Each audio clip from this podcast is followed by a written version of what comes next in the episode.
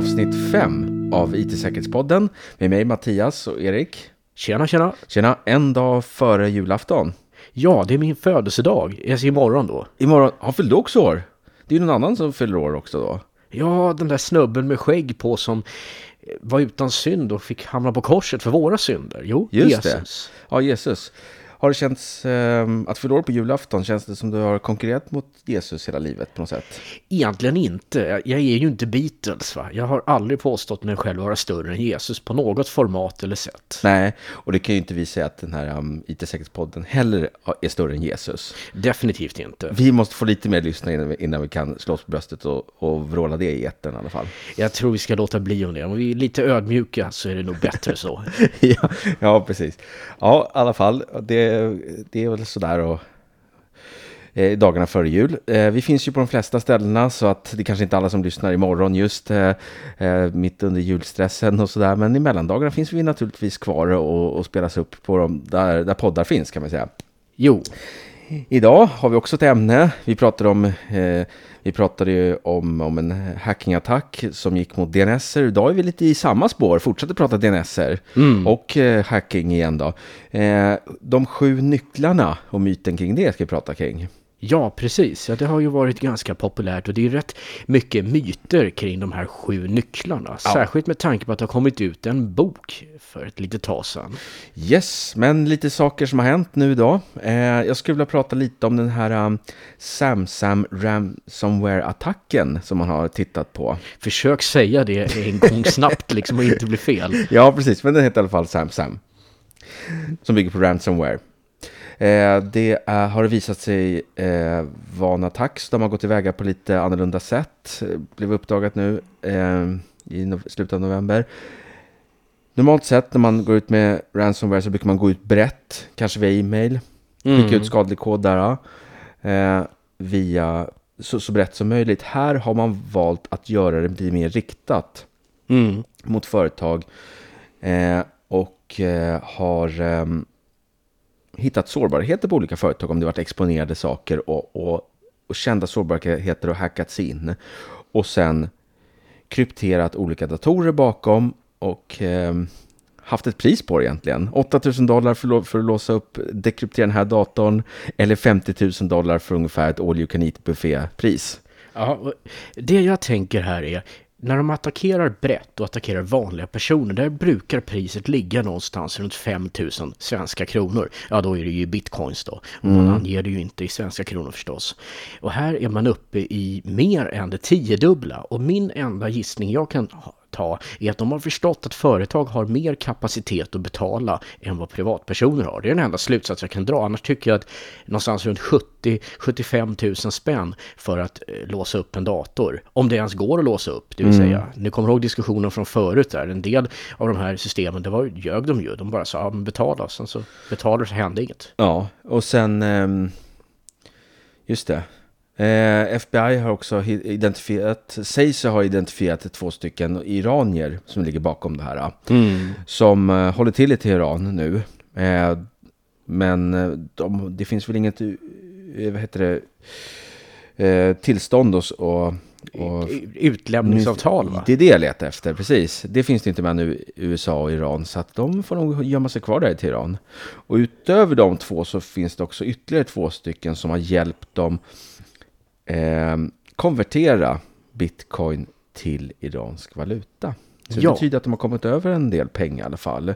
Hur mycket det är får vi väl återkomma till, för det kan man inte riktigt sett om. Det som vi diskuterade förut och som jag tycker fortfarande är intressant att säga om sånt här är att det här är förmodligen bitvis en ganska olönsam typ av attack. Visst kan de tjäna pengar på det, men inte i proportion till många andra typer av attacker. Det kanske kommer, det blir mer vanligt och då kanske de hittar sätt att lura folk på att verkligen betala de här pengarna. Och anledningen till det hela är att väldigt få vet hur man betalar med bitcoin. Det står, ja, sök på bitcoin, pay bitcoin eller sånt där. Det är lätt att hitta, men det är inte så lätt för folk att förstå hur man gör det. Och då väljer folk att acceptera att de förlorar datat hellre än att betala en massa pengar på ett sätt de inte vet hur man gör. Så därför är inte de här attackerna sådär extremt bra enligt många rapporter. Men nu vet inte jag. Det kanske, de kan ju fila på det här och om Eh, några månader så kanske de har hittat ett sätt att göra pengar, ordentligt med pengar på det. Men just nu så är väl det här den hetaste trenden trots allt. Just det, och det pratade vi ganska mycket om sist. En annan sak som har hänt eh, hyfsat nyligen är, eh, som jag skulle vilja ta upp lite så, jag vet inte om du har funderat lite på det, men jag tycker det är lite spännande. Eh, det är en lite, lite populärskriven eh, artikel som handlar om certifikat på Sida. Att det finns många falska sidor egentligen som har ett riktigt SSL-certifikat Ja, men hur sig. svårt är det? Om du går till någon av certifikatsleverantörerna och säger hej, jag vill köpa ett certifikat. Och du köper det billigaste certifikatet de har. Det enda de kontrollerar är i princip att du kan betala och sen att kanske de kan skicka något e-postmeddelande eller något sånt där. Eh, Men brukar inte certifikat oftast inne, innebära liksom att man, om man till exempel har ett företag då, så, som, så måste man uppge eh, företagets organisationsnummer, vem man är Ja. för roll på företaget och lite mejlväxling fram och tillbaka och man kanske blir intervjuad av det här säkerhetsföretaget, lite sån här mini... Ja, och då är ju svaret att det kanske krävs för en EV, en Extended Verification. Du vet det här certifikatet där hela adressbaren blir grön. Just har det, ja. De kräver kanske sådana där saker, men jag har ju själv köpt certifikat från både Tafte och Komodo och vad de heter. Och Komodo krävde mig på ett räkning, en teleräkning. Det, man gör så i Storbritannien tydligen. Ja, just det. Och då var jag så illa tvungen att skicka in. Och det, grejen är, jag hade ingen fax. Så jag skrev av räkningen i ett mejl. Och det köpte de, det var helt okej. Så eh, vad säger att jag inte hade kunnat hitta på det? Det var inte mycket till kontroll. Och Tafte var ännu sämre. Det var bara några enkla kontroller så hade jag certifikatet. Det var i princip att mitt Who is record, alltså där det står eh, vem som äger sajten, stämmer med den data som jag skickar in. Att e-postadressen, jag har ju sitemaster at som min e-postadress. Och kom jag från den adressen, ja då tyckte de det var okej. Men jag brukar ju till exempel, jag brukar faktiskt alltid, innan jag loggar in på min bank på datorn, så brukar jag alltid titta upp adressfältet på certifikatet. Jo, men det här tillhör SE-banken liksom. Ja, men jättebra och sådana här saker. Menar du då att man skulle kunna, man skulle kunna hitta på något eget? Ja, det kan du ju göra, men vad jag menar är att kontrollerna är ganska undermåliga. Och jag vet ju inte riktigt, det finns ju det här som heter Let's Encrypt till exempel, där du kan få ett certifikat. Jag är lite osäker på vad de gör för kontroller, men om du är lite slundig, de här mekanismerna för att kontrollera att du verkligen är den du utger dig för, är relativt enkla att gå igenom och, och lura liksom. Men görs inte de här företagen en björntjänst då på något sätt? Att det, att det blir ihåligt hela säkerheten då? Det har jag sett många rapporter om. Folk har diskuterat att det där är bara säkerhetsteater och allting. Och jag, jag tror ju liksom att Ja, det, det är som, de här metoderna kommer folk att lura. Så visst, certifikatet är inte ett bevis på att du är en trovärdig organisation. Bara att du uppenbarligen inte Eh, du kan ju sitta och sköta operationen från en, en husvagn i Holland. Va? Men så länge det stämmer överens med eh, den som står skriven på domänen och den som, står, eh, som skickar mejlen, vilket inte är svårt att förfalska, så uppenbarligen kan du få tag i ett billigt cert. Och då, då tycker jag det är inte mycket mekanism, det är inte svårt att bryta mot. Nej, okej. Ja, vi lämnar väl det. Jag tycker det känns lite obehagligt. Det känns, ja, man blir lite provocerad faktiskt. Jag tycker på något sätt att, att, eh, att certifikat och hela den processen kring det, eh, att det ska vara trovärdigt. Och det är så trovärdigt som företagen är kapabla att kontrollera, vilket är sådär. Ja, då kanske man skulle eh, ta bort de här som har för lätt granskning av... Ja, men det, det är som sagt att om du köper ett EV, ett Extended Verification, så kommer du att få eh, eller extended validation är det. Eh, då kommer du få mycket mer eh, genom, gedigna kontroller. Men, de, men det, grejen är att för användarna så ser alla certifikat likadana ut. Om du använder deras billigaste cert eller de dyraste. Det är bara EVn som har den här gröna Just det. textfältet där. Så ja, det, Ja, ja, det var det i alla fall. Och den här artikeln avslutar med att säga ett bra grundtips är inte att klicka på länken i mail till loginsidor utan att alltid gå till dem manuellt. Jo, På något sätt så, så stämmer väl det. Okej, okay, alltså det var lite vad vi hade om omvärldsbevakningen. Men dagens huvudämne då? De sju nycklarna. Erik, taggad för det?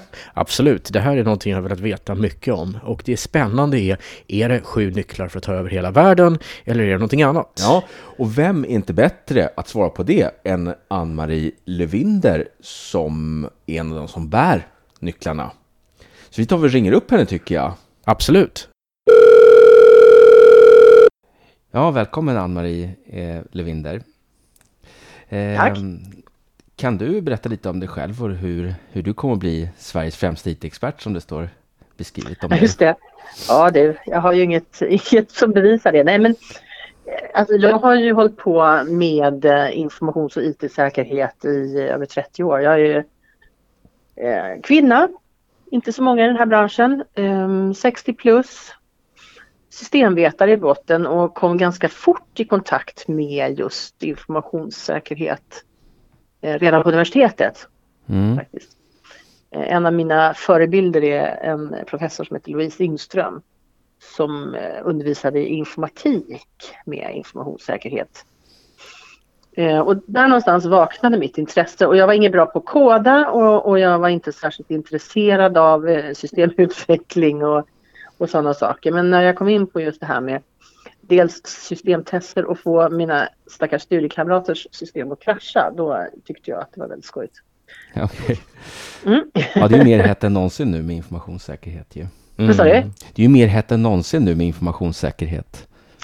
Ja, äntligen kan jag ju bara säga. Ja. Alltså det har jag ju väntat på i hela mitt... Alltså en av mina allra första produkter, jag började jobba efter universitetet, först undervisade jag lite i COBOL Eh, det preskriberat nu men stackars studenter kan jag säga för jag är verkligen inte bra på att koda.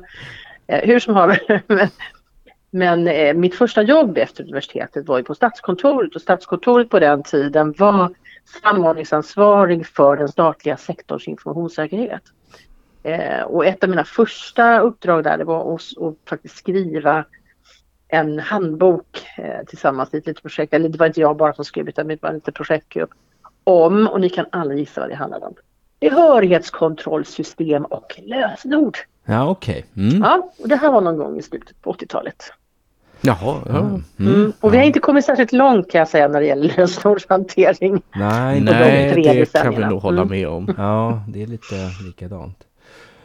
Ja, du, är ju känd då för att, eh, som det lite populistiskt kallas för att, att du har nyckeln till internet. En av de sju i i världen som har det. Eh, hur fungerar det och liksom, hur, fick du den, hur fick du den nyckeln? Då? Ja, alltså så här är det ju att jag började med eh, att delta i eh, ett projekt som vi hade när jag var på IT-kommissionen. Det var alltså efter Statskontoret så började jag jobba på IT-kommissionen.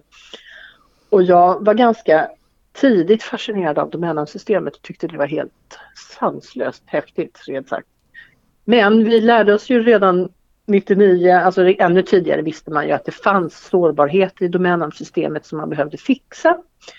Och då började man inom IETF, alltså Internet Engineering Task Force, att ta fram eh, standarder och protokoll för att kunna säkra upp domännamnssystemet så att man på en given fråga i, i DNS fick tillbaks ett svar som var signerat med en, en digital signatur. Så att man visste att ingen kunde pilla på det på vägen mellan namnserver och eh, klient. Eh, utan, att det gick, utan att det uppdagades så att säga. Just det. Det är det som kallas DNSSEC. Och det var väl egentligen upprinnelsen. Sen har jag hållit på med och pushat DNSSEC ända sedan 99 då. Och när jag började jobba för stiftelsen eh, 2000 då var ju det toppdomän, eller är ju det toppdomänadministratören för den svenska toppdomänen.se. Så då hamnade jag i en position som innebar att men vänta lite nu, här kan jag ju faktiskt driva ett projekt och se till att det här blir gjort. Och det gjorde vi så 2005 nästan när det var klar. Det tog ju som sagt några år som det brukar göra. Mm. Då in, var vi först i världen med att införa säker DNS i, i en toppdomän. Ja, Okej, okay. och då fick eh, övriga delen av världen upp ögonen för er då på något sätt? Eller? Ja, det kan man säga. Vi var ju en förebild på det sättet. Vi var de enda som hade gjort det här. Eh, och alla parametrar och alla saker som vi använde oss av och lösningar som vi hade, det blev ju liksom förebilden eh, och, och, och, det betyder ju att alla tittade på oss och gjorde ungefär likadant för det fanns ju ingen annanstans att titta och vi hade ju då mångt och mycket satt upp fingret i luften och känt ja, men hur gör vi det här på bästa sätt då? Och, och liksom verkligen learning by doing. Eh, så det var ju super, superintressant och väldigt, väldigt roligt eh, på många sätt. Och därifrån sen så började vi ju från då 2005 när standarden fanns började vi tillsammans med andra att försöka bearbeta den internationella organisationen som ansvarar för alla toppdomäner bland annat. Eh, de som heter ICANN, Internet Corporation for Assigned Names and Numbers tror jag de heter om man ska uttala den här akronymen. Just det. Eh, mm. De har ju hand om rotzonen och rotzonen är det som håller ihop alla toppdomäner i hela världen. Både landskodsdomäner och generiska toppdomäner som finns en hel uppsjö av numera. Just det, den som är en uh, punkt efter toppdomänen kan man säga. Ja, ja. precis. Mm. Och, och saken var då att ja, vi började tjata på och tjata på och skrev brev till deras ordförande och deras VD och, och lite olika arbetsgrupper och sådär. Sen till sist 2010 då så bestämde man sig för att signera rotzonen. Eh, vilket ju var jättebra. Men då var det ju så att i den processen så hade två andra svenskar varit inblandade. Det var Jakob Schlüter och Fredrik Ljunggren från ett litet Göteborgsföretag som heter Kirei. Och de var egentligen de som låg bakom designen av hela rotsigneringen och hur det skulle gå till och alla processer och rutiner och alla, allt från skalskydd liksom, till tekniska lösningar. Eh, och de hade jag ju jobbat med eh, jättelänge då med våran DNSX-signering i SS-zonen. Så de kände till mig och jag kände till dem och då när det blev dags att sjösätta den designen som de hade gjort Eh, vilket, och jag kan backa till det. Eh, anledningen till att man har valt, det är så här, det finns inte bara sju personer. Eh, utan det är sju personer som är knutna till eh, den amerikanska östkusten och sen finns det sju personer som är knutna till den amerikanska västkusten. Så det finns två speglade sajter som fungerar exakt likadant. Okej. Okay. Eh, men med två olika uppsättningar av sådana här crypto officers och andra. Sen finns det ytterligare en liten grupp och de heter Key Recovery Shareholders, eh, RKSHR. Mm -hmm. Och deras roll är, apropå eran, eran lyssnarfråga där, deras roll är att faktiskt ha den här plan, plan C, egentligen, om, om allting annat Eh, är testat och inte fungerar så kan de träffas, fem av sju, och sätta ihop en, den kryptonyckel som har använts för att kryptera den nyckel som används för att signera rotzonen. Eh, och den krypterade nyckeln den håller ICAN i men de kan inte dekryptera den med mindre att fem av de här personerna träffas och dekrypterar. Eh, så det är ju då som sagt plan C. Så plan B är ju att man går till den andra sidan av, av den amerikanska kontinenten och, och gör det man ska göra med generera nycklarna. Och sen så finns det faktiskt till och med en plan D. Och det är ju hela den här processen som är byggd med utomstående människor som har olika typer av roller, till exempel kryptoofficer som jag är då, är, är ju för att skapa förtroende för att processen ser korrekt ut, att allting går som det ska och vi är ju mer eller mindre där som observatörer. Eh, men den här nyckeln då som jag har är faktiskt en fysisk nyckel. En ganska ful sån dessutom. Och den går till en, en liten, liten box som är min. Mm -hmm. Och den här boxen finns inuti ett kassaskåp eh, i eh, lilla Culpeper, Virginia. Och det här kassaskåpet står i en bur och den här buren finns i ett datacenter som ligger i Culpeper som är en liten stad en timme från Washington. Just det. Eh. Jag förstår varför det här blivit en spänningsroman, för det är ju verkligen eh, lätt att ta på. För det finns ju faktiskt en spänningsroman eh, som, vad heter hon? Åsa Schwartz? Åsa Schwartz, ja. Just det, hon har skrivit Jag har den. hjälpt henne med, mycket med faktagranskningen för, mm. för den, så det var ju jätteskojigt. Ja. Eh, och jag tycker det är fantastiskt kul som sagt. För vi har, vi men, har, men vi har, här... en, del lyssnare som, vi har en del lyssnare som, som inte är så tekniska. Då, då är det verkligen påtagligt då att det liksom finns en nyckel i, i en box mm. i ett låst rum. Ja, det är spännande. Mm. Och hela, hela designen bygger på att man har det som vi kallar för för eh, betrodda roller och separation of duties, alltså uppdelning av arbetsuppgifter. Eh, så jag som crypto officer kan inte komma in i datacentret men det kan däremot ICAN-personal. Eh, och ICAN-personal måste vara två i förening Och sen så har man särskilda personer som är dedikerade för att öppna kassaskåpen. Eh, och sen har man en ceremonimästare som är från ICAN som till, mitt lilla, till min lilla box då, dit min nyckel går, så där finns det två nyckelhål. Så ceremonimästaren måste också stoppa i sin nyckel samtidigt som jag gör och vrida om för att det där ska gå att öppna.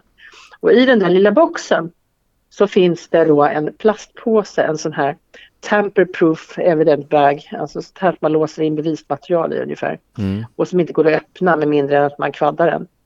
Och det är ju för att det ska vara spårbart att ingen har varit där och pillat på grejerna mellan gångerna för det här sker ju var, var sjätte månad, alltså var tredje månad på östkusten och var tredje månad på västkusten. Så i praktiken så är det två gånger per år för mig då, för jag hör till östkusten. Just det, så du åker över dit var... Ja, ja. vi samlas där två gånger per år eh, för nyckelceremonin och då tar man fram de här smarta korten och för de använder man för att aktivera aktivera kryptomaskinen, det som kallas för HSM, en Hardware Security Module. Mm. Och det är det korten är till för, så de innehåller heller ingen hemlig information. Utan det är bara ren aktivering och det behövs tre stycken kryptoofficerare som är närvarande vid ceremonin. Det är det minsta antalet för att kunna starta kryptomaskinen.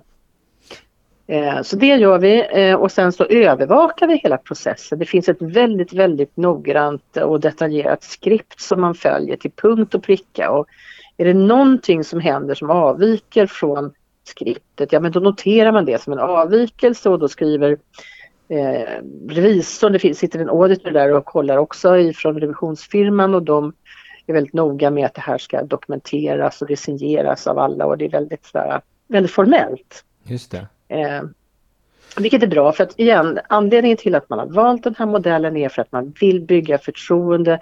Det här är en, en organisation som visserligen är numera eh, mellanstatlig och numera för amerikansk kontroll. Tidigare så var det ju Department of Commerce som var direkt an, eh, ansvarig för att egentligen liksom bara godkänna alla toppdomäner som vill in i rotzonen eh, och godkänna allting kring de här processerna. Men det har man ju släppt ifrån amerikanska myndigheter för ett par år sedan. Så nu står ju ICAN på egna ben men det är fortfarande så att det är på amerikansk mark. Eh, och det är fortfarande så att på, på det ska ju både kineser och amerikaner och, europeer och allt vad det nu är lita på att det här går rätt till. Och det är därför man har valt de här olika representanterna. Det finns representanter från alla kontinenter eh, som deltar i nyckelceremonin just för att, ja, jag menar om de inte litar på ICAN så kanske de litar på mig. Mm. Eh, mm. Om man känner till vem jag är och sådär. Ja. Ja, intressant. Men vad skulle egentligen hända? Hela det här systemet, du, du nämnde det lite snabbt, det heter ju DNSSEC. Och, och, vad skulle hända om det skulle hackas eller om, om er process skulle fallera eller man ska säga att någonting skulle... Mm. Vad skulle hända om DNSSEC lades ner helt enkelt?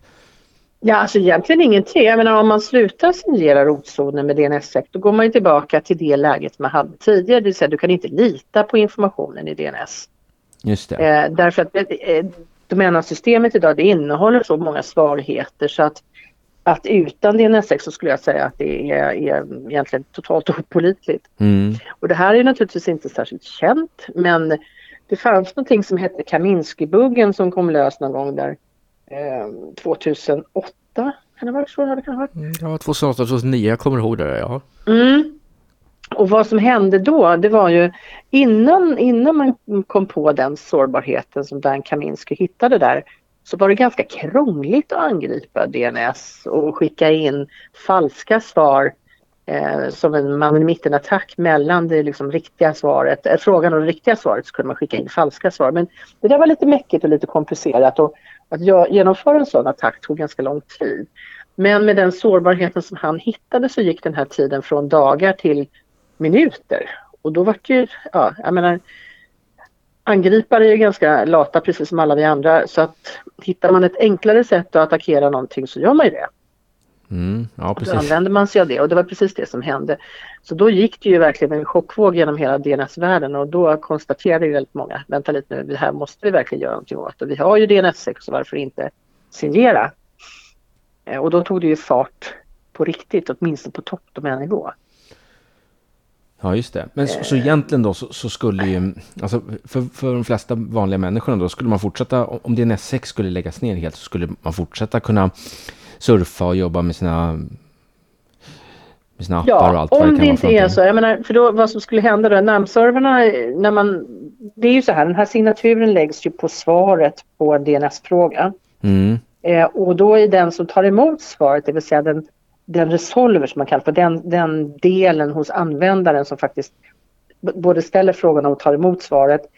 Eh, om man då har eh, DNSSEC-validering påslaget, det vill säga att man kontrollerar signaturen eh, och det, det sägs att det ska finnas en signatur men den inte existerar, ja då blir det surfail, då kommer man inte dit man ska. just det. Det blir helt svart. Så det, det är naturligtvis någonting som skulle kunna inträffa eh, om det blir trasigt. Däremot att hacka DNSSEC i sig, det som krävs då det är ju faktiskt att man kan röja nyckeln på något sätt. Mm, Och det är ju eh, som, som jag sa, det där är ju en, en blackbox lösning. Den är då djupt, djupt inne i en kryptomaskin som är väldigt känslig dessutom för eh, påverkan. Alltså den har, alla sådana här kryptomaskiner har ju en, eh, olika nivåer av, av tamper eh, alltså funktioner. Det det. finns allt från de här som är högsta klassen, om du bara lutar den en smula så blåser den hela nyckelmaterialet. Ja. Och det kan inte vi ha eftersom vi måste kunna flytta kryptomaskinen från ett kassaskåp eh, till ett skrivbord där hela ceremonin genomförs. Just det. Eh, Så vi har, ytterligare, vi har en lägre så att säga, tamper klass men det är fortfarande tillräckligt högt. Till exempel om den, om den utsätts för en hård stöt. Eh, alltså någon skulle råka tappa den, ja men då blåser den allt nyckelmaterial. Så då får man ju gå och börja om från början och läsa in den från backup och, och Just det är det. ju en hel del strul runt det kan jag säga. Men är DNS... Men det har vi lyckats klara oss från. Jag tänkte bara en liten följdfråga. Är DNSSEC helt utspritt så att det är i alla toppdomäner runt om i världen? Ja, det är det. Det är det. Framförallt Mm. i de nya. Eh, det tog ganska lång tid i den här landskodstomänvärlden innan Mm. det fick fullt genomslag. Men de här nya, kan vara smarta nog att ställa det som krav för de som skulle dra igång nya toppdomäner. Eh, så de är tvungna att erbjuda DNSSEC eller signera sina topp, toppdomäner. Ja, okej. Ja. ja, men det är bra. Ja, det är jättebra. Och, men tittar man till exempel på, på Sverige så är ju ja, 45 procent av alla SE-domäner ju signerade så det är långt ifrån alla. Just. Eh, men fortfarande, vi har kommit ganska långt eh, på väg och vad vi är bäst på, ska säga, eller bland de bättre i hela världen, det är ju också det här med att validera DNS-signaturer. Så vi var ju, vi var ju väldigt tidigt ute där och pratade med, med våra kollegor i ISP, alltså Internet Service Providers, internetleverantörer eh, Eh, och prata med dem om det här och säga att det här är jättebra för era kunder och för er. Och de var väldigt lyhörda och slog på det här med validering väldigt tidigt. Telia var först, vet jag, de var jättetidiga. Vilket var både modigt och bra. Eh, för det har ju då gjort att man faktiskt kan lita på de här svaren som kommer. Just det. Det är inte, I andra länder har de inte alls varit lika framgångsrika. Så det kan ju vara så här, det är en av fördelarna kanske med att bo i ett litet land där alla känner varandra. att det är lätt att lösa den typen av frågor. För man kan faktiskt samlas runt ett bord och säga nu gör vi så här. Men det måste vara ganska svårt att, att sälja in också till alla länder runt om i världen.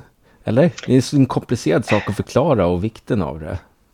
Ja, alltså, egentligen inte. Inte om, inte om man är lite teknikbevandrad och kan lite grann om hur internets infrastruktur fungerar. Däremot så, jag, jag har ju alltid varit av den bestämda uppfattningen att det här handlar inte om att det ska finnas kundkrav utan det här är ju uppgradering och förbättring av infrastrukturen. Precis som när man går från IPv4 till IPv6 eller man går från, från eh, kopparkabel till fiber. Det här är ju ingenting som kunderna ska behöva fråga efter. Det ska bara finnas och vara där. Just det. Mm. Och det har vi haft lite olika uppfattningar om eh, i världen och i Sverige också för den delen. Men det som vi har gjort de senaste åren och som har varit fram- framgångsrikt är att vi vänder oss till våra återförsäljare. Vi har ju då registrarer som det kallas för, Just som är vår mellanhand mot slutkunderna. Eh, och så har vi sagt det, om ni signerar era kunders domäner så får ni en rabatt eller en bonus tillbaks från oss. Eh, och det här har vi drivit i, i ganska många år nu. Mm. Och så skruvar vi lite på kriterierna eh, och testar lite ofta. Det ska inte bara vara eh, signerat och det ska se bra ut också. Det ska hålla, hålla kvalitet och det ska vara signerat över, över tid och sådär. Eh, så får de sin lilla bonus.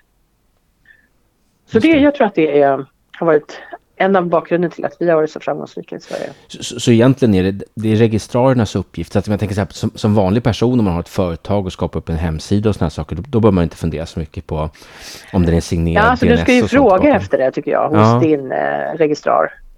Just det. För det är fortfarande många som har den attityden. Det är opt-in Ja, okej. Mm. helt enkelt. Men det är några som sagt, några undantag då. Det är några, jag vet att till exempel, jag tror det var Lopia som signerade alla sina kunders domäner och så gjorde de opt-out istället om det var så att man mot förmodan inte skulle vilja ha det här. Ja, hoppar av. Men, Ja. men, eh, för det borde vara en default. Så, Men Ja, det, där är vi inte riktigt än. nej det är väl det. Jag menar jag vet ju att Office 365 där har ju Microsoft ännu inte lagt in DNS6 som en möjlig, ett möjligt val tyvärr. Mm. Nu går vi vidare. Don't get me started. De har, de har väl aldrig varit särskilt lyhörda för det här behovet. Nej. Jaha. Eh, Sist då, Eh, vad ser du som det största hotet i, i den här uppkopplade världen? Idag så skulle jag säga att det är det som vi har framför oss, eh, sakernas internet. Eh, att allting blir mer och mer uppkopplat och sammankopplat och vi har tappat kontrollen egentligen över vad som pratar med vad. Eh, och man integrerar i ganska hög utsträckning administrativa system med sensorsystem, med eh, kontrollstyr och reglersystem och sådana här saker. Och, och Dessutom, samtidigt som det sker så har vi en annan trend och det är att fler och fler använder samma teknik i botten. Eh, Så det blir väldigt, väldigt känsligt. Det får ju en aggregerad risk som innebär att får vi ett problem i den mest använda programvaran, det mest använda operativsystemet eller vad det nu är för någonting, så får ju det enorma konsekvenser.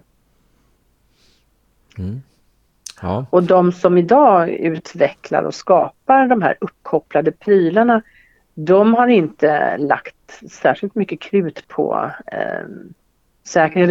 Jag brukar skoja och säga det att i- S i IoT står för säkerhet. det är ungefär där vi är. Ja, verkligen. ja där är vi varit Och sen kan på. man ju säga så här, nej men jag, jag väljer bort det då. Jag köper inte en uppkopplad eh, pryl med trådlös access. Men det kan du ju försöka. Det finns ju inte Nej. snart utan det är ju allting du köper i hushållsprylar eller tv-apparater eller badrumsfläktar eller vad det nu är för någonting har uppkoppling. Ja, precis. Och det har vi pratat om förut, att det är många Mm. hackingattacker som sker med uppkop uppkopplade Mm. enheter. De...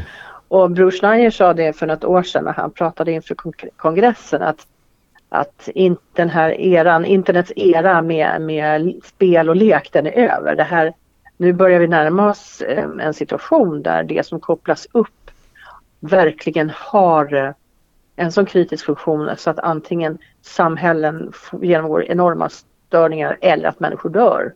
Ta Mm. till exempel bara det här med, med vad heter det, pacemakers det. som är uppkopplade och skickar data på nätterna till sjukhuset och sådär. De är ju otroligt dåligt skyddade. Ja.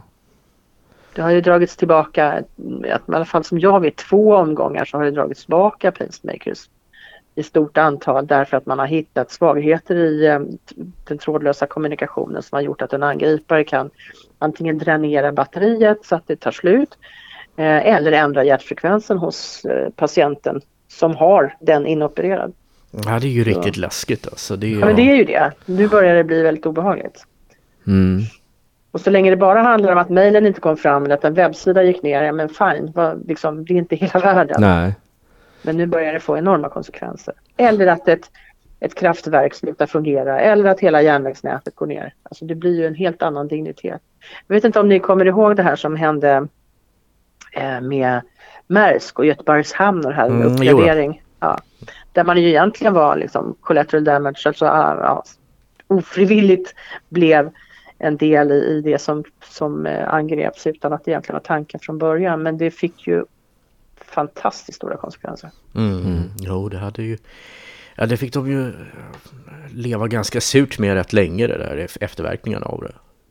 Mm. Och ändå så gjorde ju Marks personal gjorde ju ett hjältedåd. De hade väl installerat om, jag tror de hade installerat om 40 000 maskiner på en vecka. Ja, det är ett jobb. och det är nog inte världens roligaste jobb heller. Nej. Ja, vad bra då. Eh, Mm. det, det, var, det var allt från oss. Ja, Ja, tackar så mycket för eh, din tid. Ja, Tack själv. ja sådär då. Eh, det gick ju bra den intervjun. Ja, verkligen. Jag tycker att det var extremt upplysande om DNS, DNSSEC och de berömda sju nycklarna. Just det, och det känns som hon kan sina delar kan man ju lugnt säga. Jo då, det var inget tvivel om den saken. Jag menar, hon är ett riktigt proffs på området. Eh, ja, precis. Så är det någonting du vill tillägga där lite? Ja, alltså det jag tänker på, hon har sagt det redan, men jag vill ändå liksom lite grann understryka det hela. Det är det här med att det finns inte sju nycklar som kan ta ner hela internet. Skulle någon lyckas kompromettera allting och det bara totalt går åt skogen för det, då kommer det att bli så att DNS blir opolitligt. Men internet går inte ner. Det är inte bra att det händer naturligtvis, men det blir ingen katastrof och det är liksom de sju, eh, eller de fyra ryttarna kommer med domedagen eller något sånt där. Nej, liksom. precis. Man kan säga att internet blir opolitligt. I och med att DNS blir opolitligt så blir hela internet också opolitligt på det sättet. Tonight we're gonna party like it's 1999. Ja, precis. Och med det så säger vi god jul och tackar för oss. Ja, vi är tillbaka inom kort, men god jul och ja, vi ska inte säga gott nytt år, för vi Nej, kommer... för vi kommer komma tillbaka innan det blir gott nytt år. Så Ja, god visst. jul helt enkelt. God jul!